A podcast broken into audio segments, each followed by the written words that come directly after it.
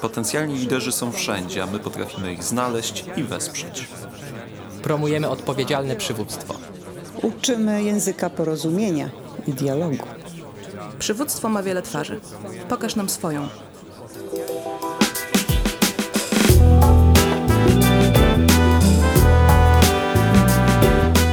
Nasz podcast to miejsce rozmów o liderstwie, wpływie i zmianach, ale także o edukacji. Jak mawiał założyciel Fundacji Szkoła Liderów, profesor Zbigniew Pełczyński, przywództwa można się nauczyć. O tym, jak to robimy, można przeczytać na stronie www.szkoła-liderów.pl. Dzień dobry, Agnieszka Szymańska. Witam w programie o przywództwie, podcast Szkoły Liderów. Dzisiejszy odcinek jest przygotowany w ramach programu Młoda Polska, realizowanego z dotacji programu Aktywni Obywatele, Fundusz Krajowy finansowanego przez Islandię, Liechtenstein i Norwegię w ramach funduszy EOG. Dziś rozmawiamy z młodymi warszawskimi liderami, absolwentami rocznego programu edukacyjnego o nazwie Warszawska Akademia Młodych Liderów. Moimi gośćmi są dzisiaj Anna Maziarska, feministka, aktywistka, studentka. Cześć Aniu. Cześć, cześć. Oraz Maksymilian Ciszkowski, przewodniczący Młodzieżowej Rady Miasta Stołecznego Warszawy. Cześć. Cześć. Bardzo się cieszę, że dzisiaj e, spotykamy się w temacie przywództwa, w temacie rozmów o liderstwie. I chciałam Was na początek e, zapytać, poprosić o to, żebyście opowiedzieli o swoim zaangażowaniu liderskim. Co robicie na co dzień i jak dla siebie definiujecie rolę lidera, liderki? Mm. No, to już zaczynamy nieźle. Pierwsze pytanie, a dosyć trudne. Aha. Myślę, że trzeba się jakoś zdefiniować. No dobra, to czym się na co dzień zajmuję, to chyba w pierwszej kolejności jednak są studia. Dopiero drugim bym się określiła e, słowem, że jestem aktywistką, feministką.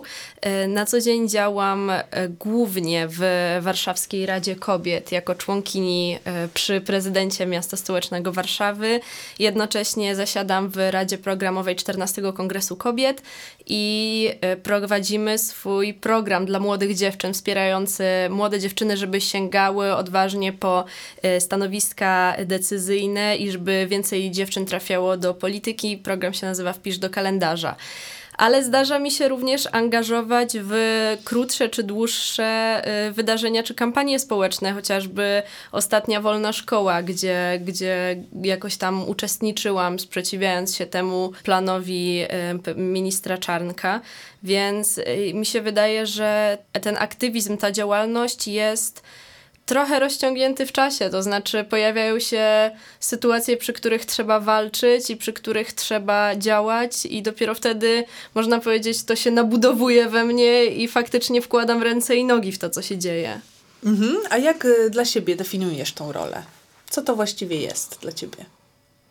Dla mnie na pewno to jest jakoś tam wzmacniające, ale trudno też powiedzieć, żebym to robiła stricte dla siebie, bo czuję, że po prostu są sytuacje, które mnie straszliwie wkurzają i chciałabym umieć znaleźć rozwiązanie na te sytuacje.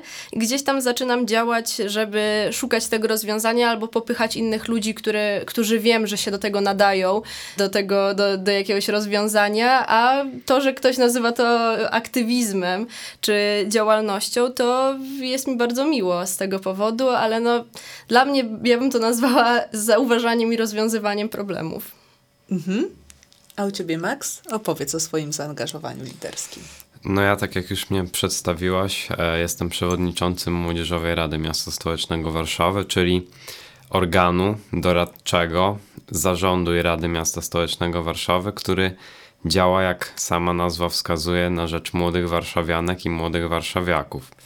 Młodzieżowa Rada Warszawy ma już blisko 13 lat i przez tych 13 lat udało nam się zrobić naprawdę bardzo dużo, aby poprawić sytuację młodych warszawianek i warszawiaków. Udało nam się przeprowadzić masę świetnych projektów. Udało nam się wprowadzić bardzo dużo pomysłów młodych ludzi z Warszawy w życie. I no, przede wszystkim to, czym zajmujemy się na co dzień, to jest właśnie to, aby ten głos młodzieży był na co dzień respektowany przez władze miasta.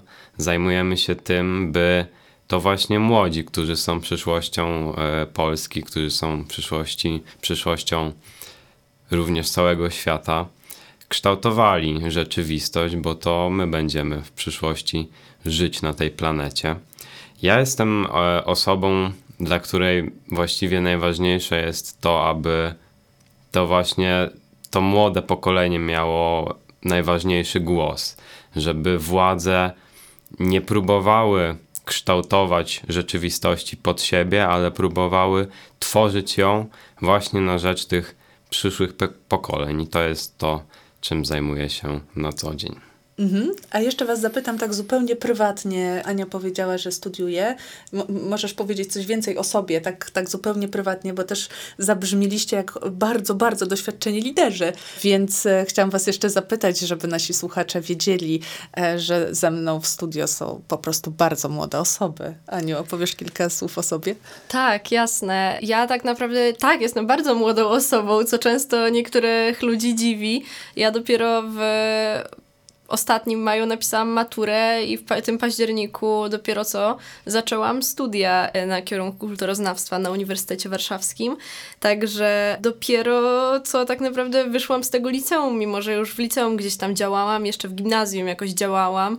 E, Nawet zdarzało mi się w podstawówce nie zgadać z tym, co nauczyciele robili, nauczycielki robiły i w jakiś tam sposób e, działać przeciwko albo na rzecz uczniów i uczennic, ale ja dopiero, no, jestem jeszcze już studentką, nazwijmy to tak, i wydaje mi się, że bardzo zwyczajną osobą. Wiem, że jestem bardzo uprzywilejowana z powodu takiego, że mieszkam w Warszawie i zawsze były te okazje do jakiegoś działania, do jakiejś aktywności społecznej i jednocześnie tak, wydaje mi się, że jestem uprzywilejowana, bo, bo mam tutaj możliwość jakiegoś takiego funkcjonowania i działania i nie powiem, że sama ze sobą nie czuję, żebym osiągnęła jakoś zaskakująco dużo, bo mam wrażenie, że inne osoby, które również by posiadały takie możliwości, też by to mogły robić. Także dlatego ja zawsze zachęcam moich znajomych, jak idę na jakąś demonstrację czy na jakieś wydarzenie, to zawsze ich zachęcam do pójścia ze mną, bo wydaje mi się, że to jest bardzo łatwe w, naszej miejscowości, tak na, w Warszawie, korzystać z tego, co, co można robić i dzięki temu jakoś działać. Mhm, dzięki. No ja jestem też absolutnie normalnym chłopakiem. E, jestem tegorocznym maturzystą, świeżym osiemnastolatkiem, e, więc dużo teraz rzeczywiście się dzieje i tak jak właściwie moi znajomi zawsze ze mną rozmawiają i mówią mi, że właściwie ja z moim takim codziennym życiem to kompletnie nie pasuje do tego, czym się zajmuję, bo jestem myślę, że na tyle rzeczywiście osobą rozrywkową, że no, każdy normalny, zwykły człowiek nie powiedziałby, że ktoś taki może się zajmować działalnością publiczną. A jednak.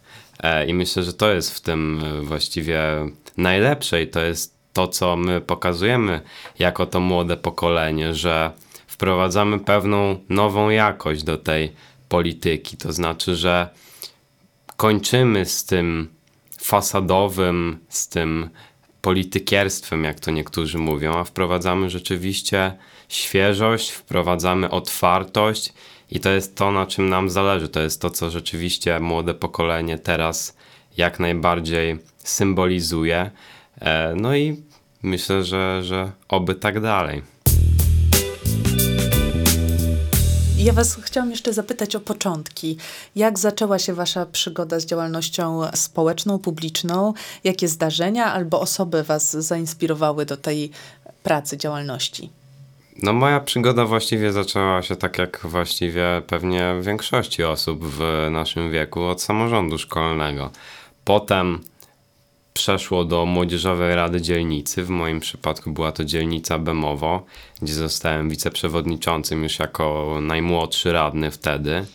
Po dwóch latach zostałem przewodniczącym Młodzieżowej Rady Dzielnicy Bemowo, a w zeszłym roku również przewodniczącym Młodzieżowej Rady Miasta Stołecznego Warszawy. A co takiego się wydarzyło na tym pierwszym etapie, kiedy byłeś w samorządzie szkolnym, że pomyślałeś sobie, tak, chcę w tą stronę iść, chcę się tym zajmować?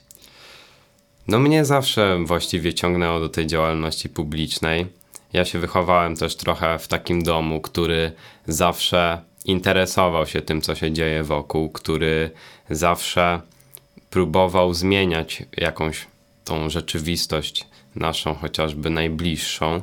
I no, myślę, że naj, najważniejsze było tutaj wsparcie oczywiście mojej rodziny, moich bliskich, ale również nauczycieli, bo to chociażby moja pani od historii, którą serdecznie pozdrawiam, zachęciła mnie do startu w wyborach do Młodzieżowej Rady Dzielnicy Bemowo. Nikt wtedy nie wierzył, że ja się dostanę, a jednak się dostałem. No i od tego właśnie się zaczęło. Poznałem masę świetnych ludzi, którzy potem zaczęli wprowadzać mnie do tej mojej przyszłej działalności. No i dzięki temu jestem tu, gdzie jestem. Aniu, a jak było u ciebie? Ja za każdym razem w przypadku takiego pytania zastanawiam się, gdzie wyśledzić ten początek. Wydaje mi się, że miałam zrywy, y, może takie przypływy takiej chęci działania w jakiś sposób. Pamiętam, udało mi się wytropić jeszcze takie pierwsze momenty w podstawówce, kiedy po prostu bardzo się nie zgadzałam z czymś, co mówiły do mnie nauczycielki, nauczyciele. Zdarzało mi się, niestety ja byłam, niestety albo na szczęście byłam tą osobą, która była błaznem klasowym. E, bardzo lubiłam robić żarty, byłam jakoś tak bardziej towarzyska i chyba niektórym nauczycielkom to sprawiało kłopot i często słyszałam też różne komentarze odnośnie swojego wyglądu, odnośnie zachowania. Wysłyszałam teksty, że byłam na przykład zbyt wyzywająca i tak się ubierałam, co mnie bardzo denerwowało. Próbowałam też dojść do tego, co to w zasadzie znaczy dla, czwarto, dla czwartoklasistki. To znaczy, co to jest to wyzywające ubranie, o którym mi mówią nauczycielki. Więc zdarzyło mi się na przykład brać długopis, notes i chodzić po wszystkich salach w trakcie przerwy i przepytywać nauczycielki, czy wie, co to jest wyzywające ubranie, czym się charakteryzuje i żeby mi je opisała. I robiłam sobie tabelkę, gdzie wpisywałam ptaszek, jeśli udało się tej osobie to wytłumaczyć i x, jeśli się nie udawało. No i niestety bardzo wiele osób musiało się jakoś, dostawało te xy więc y, zdarzyło mi się już wcześniej gdzieś tam działać. Tak na bardziej poważnie to myślę, że to już było jakoś koniec gimnazjum, początek liceum, kiedy faktycznie zauważyłam takie problemy w szkole, że na przykład mamy oddzielne kosze do segregowania śmieci, a potem panie woźne znoszą je na dół i wrzucają do jednego pojemnika wszystkie razem i kiedy zaczęłam zadawać pytania, dlaczego tak jest, okazało się, że z miastem mamy podpisano jako szkoła taką umowę, że przyjeżdża jedna śmieciarka i to odbiera, więc nie było sensu, żebyśmy je segregowali w salach, w klasach. I to mnie gdzieś tam też ruszyło, że w zasadzie jako klasa zrzuciliśmy się na drugi i trzeci kosz i z własnych pieniędzy zakupywaliśmy. No i że głupio, żeby już to tak zostawić i udawać, że niby sortujemy, a nie sortujemy. Więc zaczęliśmy gdzieś tam działać dalej z panią Kasią Czeczot, która jest naszą e, geografką szkolną, ale jednocześnie bardzo zaciekle broni też praw uczniów i uczennic. Ona zaangażowała się do tego stopnia, że niedługo dostaliśmy później zaproszenie z, od wiceprezydenta Warszawy, od pana Olszewskiego na spotkanie w ratuszu i dyskutowaliśmy tam o wprowadzeniu zmian właśnie, żeby e, wprowadzić obowiązkową segregację śmieci w warszawskich szkołach. Nie tylko w szkołach, w zasadzie we wszystkich placówkach oświatowych, czyli też domach kultury, domach dziecka, przedszkolach, żłobkach i tak dalej. No niestety to trochę stanęło w miejscu potem przez pandemię, ale pamiętam, że to mi dało bardzo dużo jakiejś takiej odwagi i chęci działania i zmian. No i też muszę przyznać, że rodzice zawsze mnie zabierali na różne demonstracje. Mama jest Białorusinką i zawsze chodziłyśmy na prowolnościowe demonstracje w Warszawie i w Białorusi. Byłam na wyborach w 20 roku i głosowałam i brałam udział w demonstracjach. Od tamtej pory mnie już tam nie było. A tata mnie zawsze zabierał tutaj na demokracyjne, wolnościowe i wybory, i na demonstracje, więc gdzieś tam, no wydaje mi się, że to było dla mnie dosyć istotne, bo każde wybory były dla mnie świętem. Zawsze każda demonstracja była okazją, żeby zobaczyć znajomych rodziców, więc ja to bardzo lubiłam i gdzieś tam zasiało we mnie takie ziarno chęci działania. Ale też muszę przyznać, że to nie było tak, że, bo to może zabrzmieć tak, że ja jestem jakąś kulką energii, ale prze, przeciwnie, w zasadzie prywatnie to jest, bardzo lubię sobie poloniuchować, lubię poczytać książki w łóżku.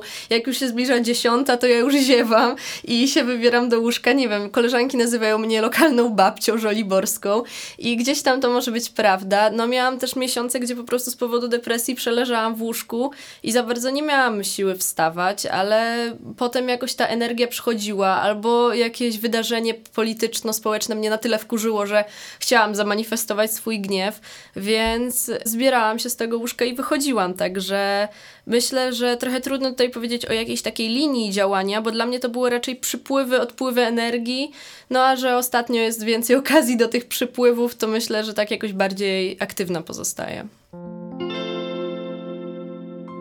Słuchasz podcastu Fundacji Szkoła Liderów.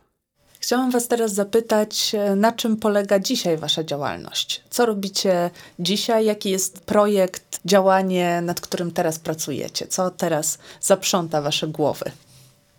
Jeszcze w trakcie moich matur w maju wypuściliśmy, bo nie wspomniałam, że należy też do Rady Konsultacyjnej do Spraw Edukacji przy strajku kobiet. Wypuściliśmy raport odnośnie sytuacji w edukacji i czego oczekujemy, co powinno być poprawione, a co zmienione w ogóle, jakich obszarów edukacyjnych potrzebujemy w ogóle w polskich szkołach, to znaczy tam edukację seksualną, obywatelską, klimatyczną i tak dalej. Pamiętam, bo to było zabawne akurat dzień, kiedy mieliśmy konferencję prasową.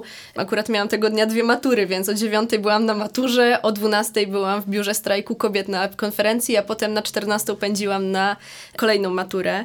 Dzisiaj y, na szczęście jestem trochę w mniejszym zabieganiu. Przez ostatnie parę miesięcy byłam, uczestniczyłam w Instytucie Otwartym, w takim teatralno-społecznym i gdzieś na obręb, w okręgu sztuki projekcie, który zakłada wzmacnianie grup migranckich w Polsce. No, a że zgłosiłam się tam we wrześniu, to nie sądziłam z jakimi kryzysami humanitarnymi i z jakimi tragediami nam przyjdzie się już niedługo spotkać, więc tak naprawdę jest to dla mnie bomba emocjonalna, bardzo mocna, więc gdzieś tam się tym teraz stresuję. I niedawno zostałam zaproszona zarówno do Warszawskiej Rady Kobiet, o której wspomniałam, i pracujemy, przygotowujemy na maj, myślę, że już mogę zapowiedzieć. Na maju ma, będzie Tydzień Kobiet w Warszawie. Wszystko też niestety zależy od y, sytuacji obecnej w Ukrainie i tego, czy miasto będzie miało przestrzeń i czas, żeby to zrealizować. A poza tym zostałam też zaproszona właśnie do Rady Programowej Kongresu Kobiet, który będzie już 7-8 października, o ile dobrze mówię, we Wrocławiu, więc też nad tym pracujemy i obecnie jestem w chaosie spotkań, a gdzieś pomiędzy tym a tym próbuję znaleźć czas, żeby poczytać trochę lektur na studia. Max, a ty teraz nad czym pracujesz? No my w Młodzieżowej Radzie Warszawy kończymy teraz proces powoływania Warszawskiego Rzecznika Praw Ucznia, który to trwał od 2019 roku. Przeprowadzamy już ankietę w szkołach na temat przestrzegania właśnie praw ucznia. No i prawdopodobnie za, zaraz po ogłoszeniu jej wyników będziemy mogli przystąpić również do rozpoczęcia działalności przez rzecznika. To jest właśnie nasz priorytet teraz. Natomiast oprócz tego skupiamy się na tym, co jest teraz najważniejsze, to znaczy na pomocy Ukrainie. Młodzieżowa Rada Miasta Stołecznego Warszawy zorganizowała ostatnio zbiórkę artykułów właśnie na rzecz młodych Ukrainek i Ukraińców. Zachęcamy serdecznie do wspierania tej akcji. Ona nadal trwa. A gdzie można uzyskać więcej informacji? Zapraszamy na naszą stronę na Facebooku. Tam jest podany numer telefonu. Jest również podany adres, gdzie można wszystkie te artykuły umieścić. Także serdecznie zachęcamy do tego. Oprócz tego Oczywiście no nie możemy zapominać o naszych jakichś planach, które sobie zaplanowaliśmy jeszcze przed tą sytuacją na Ukrainie. To znaczy Warszawskie Dni Młodzieży, które Młodzieżowa Rada Miasta Stołecznego Warszawy również na pewno będzie chciała zorganizować wspólnie z miastem. To są na pewno również wszelkiego rodzaju akcje, w szkołach przede wszystkim właśnie wprowadzania do nich zajęć prodemokratycznych, proekologicznych, bo tego e, widzimy, że nadal w szkołach nie ma. Próbujemy doprowadzić do tego, aby ratusz również wprowadził chociażby zajęcia z edukacji seksualnej. To jest przynajmniej moja obietnica, że ja będę starał się o to, aby warszawskie szkoły przynajmniej w jakimś zakresie, w jakiejś części mogły takie zajęcia oferować młodym uczniom i uczennicom. Także to są teraz te najważniejsze rzeczy, którymi się zajmujemy. Ale to, co ja, jakby chciałbym również podkreślić, to jest to, że my bardzo wsłuchujemy się w głos e, młodych ludzi, bo jesteśmy w końcu ich przedstawicielami i liczymy bardzo na to, że będziecie, bo mówię teraz właśnie do Was, e, że będziecie zgłaszać e, swoje inicjatywy, swoje pomysły, że będziecie razem z nami współtworzyć tą miejską politykę młodzieżową, że będziecie z nami współorganizować nasze wydarzenia, bo to jest wszystko dla Was.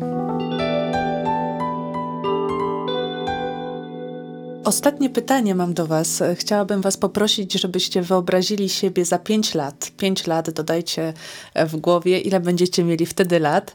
I chciałam Was poprosić o to, żebyście powiedzieli, jakie macie marzenie dotyczące siebie w tym czasie, Waszej działalności społecznej. Co byście chcieli wtedy robić? Jaką zmianę byście chcieli wprowadzić? Nad czym byście chcieli pracować? Jak sobie myślicie o sobie za 5 lat? Czas za 5 lat to jest już w zasadzie czas po wyborach. To znaczy, myślę, że wszyscy mamy tutaj jakieś tam ambicje, żeby coś tam w tych wyborach osiągnąć. Co to będzie, to się okaże. Natomiast, no tak jak ja powiedziałem na początku, mi bardzo zależy na tym, aby wprowadzać do tej polityki ogólnopolskiej, ale, ale też przede wszystkim tej warszawskiej, nową jakość. Ja wyobrażam sobie siebie za 5 lat jako osobę, która będzie miała już jakiś wpływ na to, co robi miasto w sposób naprawdę bardzo realny. To znaczy, że będziemy mogli na tyle wpływać na politykę ratusza, że wszystkie, rzeczywiście wszystkie potrzeby młodzieży będą realizowane. To jest już w jakimś tam stopniu zaspokajane w Warszawie, natomiast da się jeszcze jak najbardziej to udoskonalić i to jest to, nad czym ja będę pracował, to jest to, o co ja się będę starał, bo zależy mi naprawdę na tym, aby Warszawa była stolicą młodzieży, żeby była europejską stolicą młodych ludzi, którzy wiedzą, że tu jest ich przyszłość, którzy wiedzą, że chcą mieszkać tutaj, a nie wyjeżdżać, tak jak to niestety sporo moich znajomych już planuje. Ja w Warszawie chcę zostać, chcę ją zmieniać i chcę doprowadzić ją do takiego stanu, aby każdy z nas był tutaj szczęśliwy i mógł się realizować. Dzięki, Aniu. Ja tak słuchałam Maxa i sobie myślałam, jaką ja bym w ogóle chciała widzieć Polskę. Myślę sobie, że bym bardzo chciała widzieć Polskę, w której jest już pierwsza prezydentka, w której mamy elektrownie atomowe i związki jednopłciowe, ale aha, i w której upadnie patriarchat, ale wydaje mi się, że nie jest to niestety ym, kwestia pięciu lat, czy nawet dziesięciu, więc y, sądzę, że to jest jakiś dla mnie, jakieś są takie fajne pomysły, w stronę których bym chętnie pracowała. Y, Na pewno widzę siebie za pięć lat dalej na studiach. Tego jestem pewna, bo przed jakimś doktoratem nie planuję kończyć tej ścieżki, więc myślę, że dalej będę studiować, dalej będę działać, a w jakim kierunku to muszę przyznać, że naprawdę nie wiem. Wiem, że chciałabym zmieniać Polskę, świat w tym kierunku, o jakim powiedziałam. Bardzo bym chciała, żebyśmy mieli więcej w Polsce społeczności migranckich, żeby osoby LGBT były bardziej wspierane i bardzo chętnie bym w kierunku tego pracowała, żebyśmy też mieli rzetelną edukację, a już w jaką stronę mnie to zaprowadzi, to trudno powiedzieć, bo nigdy się nie spodziewałam, że będę w ratuszu pracować jako najmłodsza w historii członkini Warszawskiej Rady Kobiet. Przy starszych kobietach, które chętnie słuchają mojego zdania, to było, to by było dla mnie jeszcze pół roku temu nie do wyobrażenia, dlatego kto wie, dzisiaj może sobie nie wyobrażam, że wystartuję do Sejmu, ale może te, za te pięć lat coś mnie tam zaprowadzi. Więc na razie zostawiam sobie bardzo otwartą tą ścieżkę na przyszłość, no i po prostu wiem, że bym bardzo chciała działać. Dziękuję Wam za rozmowę. Bardzo się cieszę, że mogłam Was poznać. Dzięki, Aniu. Dzięki wielkie. Dziękuję Dzięki. również. To był podcast o przywództwie, podcast Szkoły Liderów. Zapraszamy do wysłuchania kolejnych odcinków oraz na naszą stronę www.szkołamyślnikliderów.pl.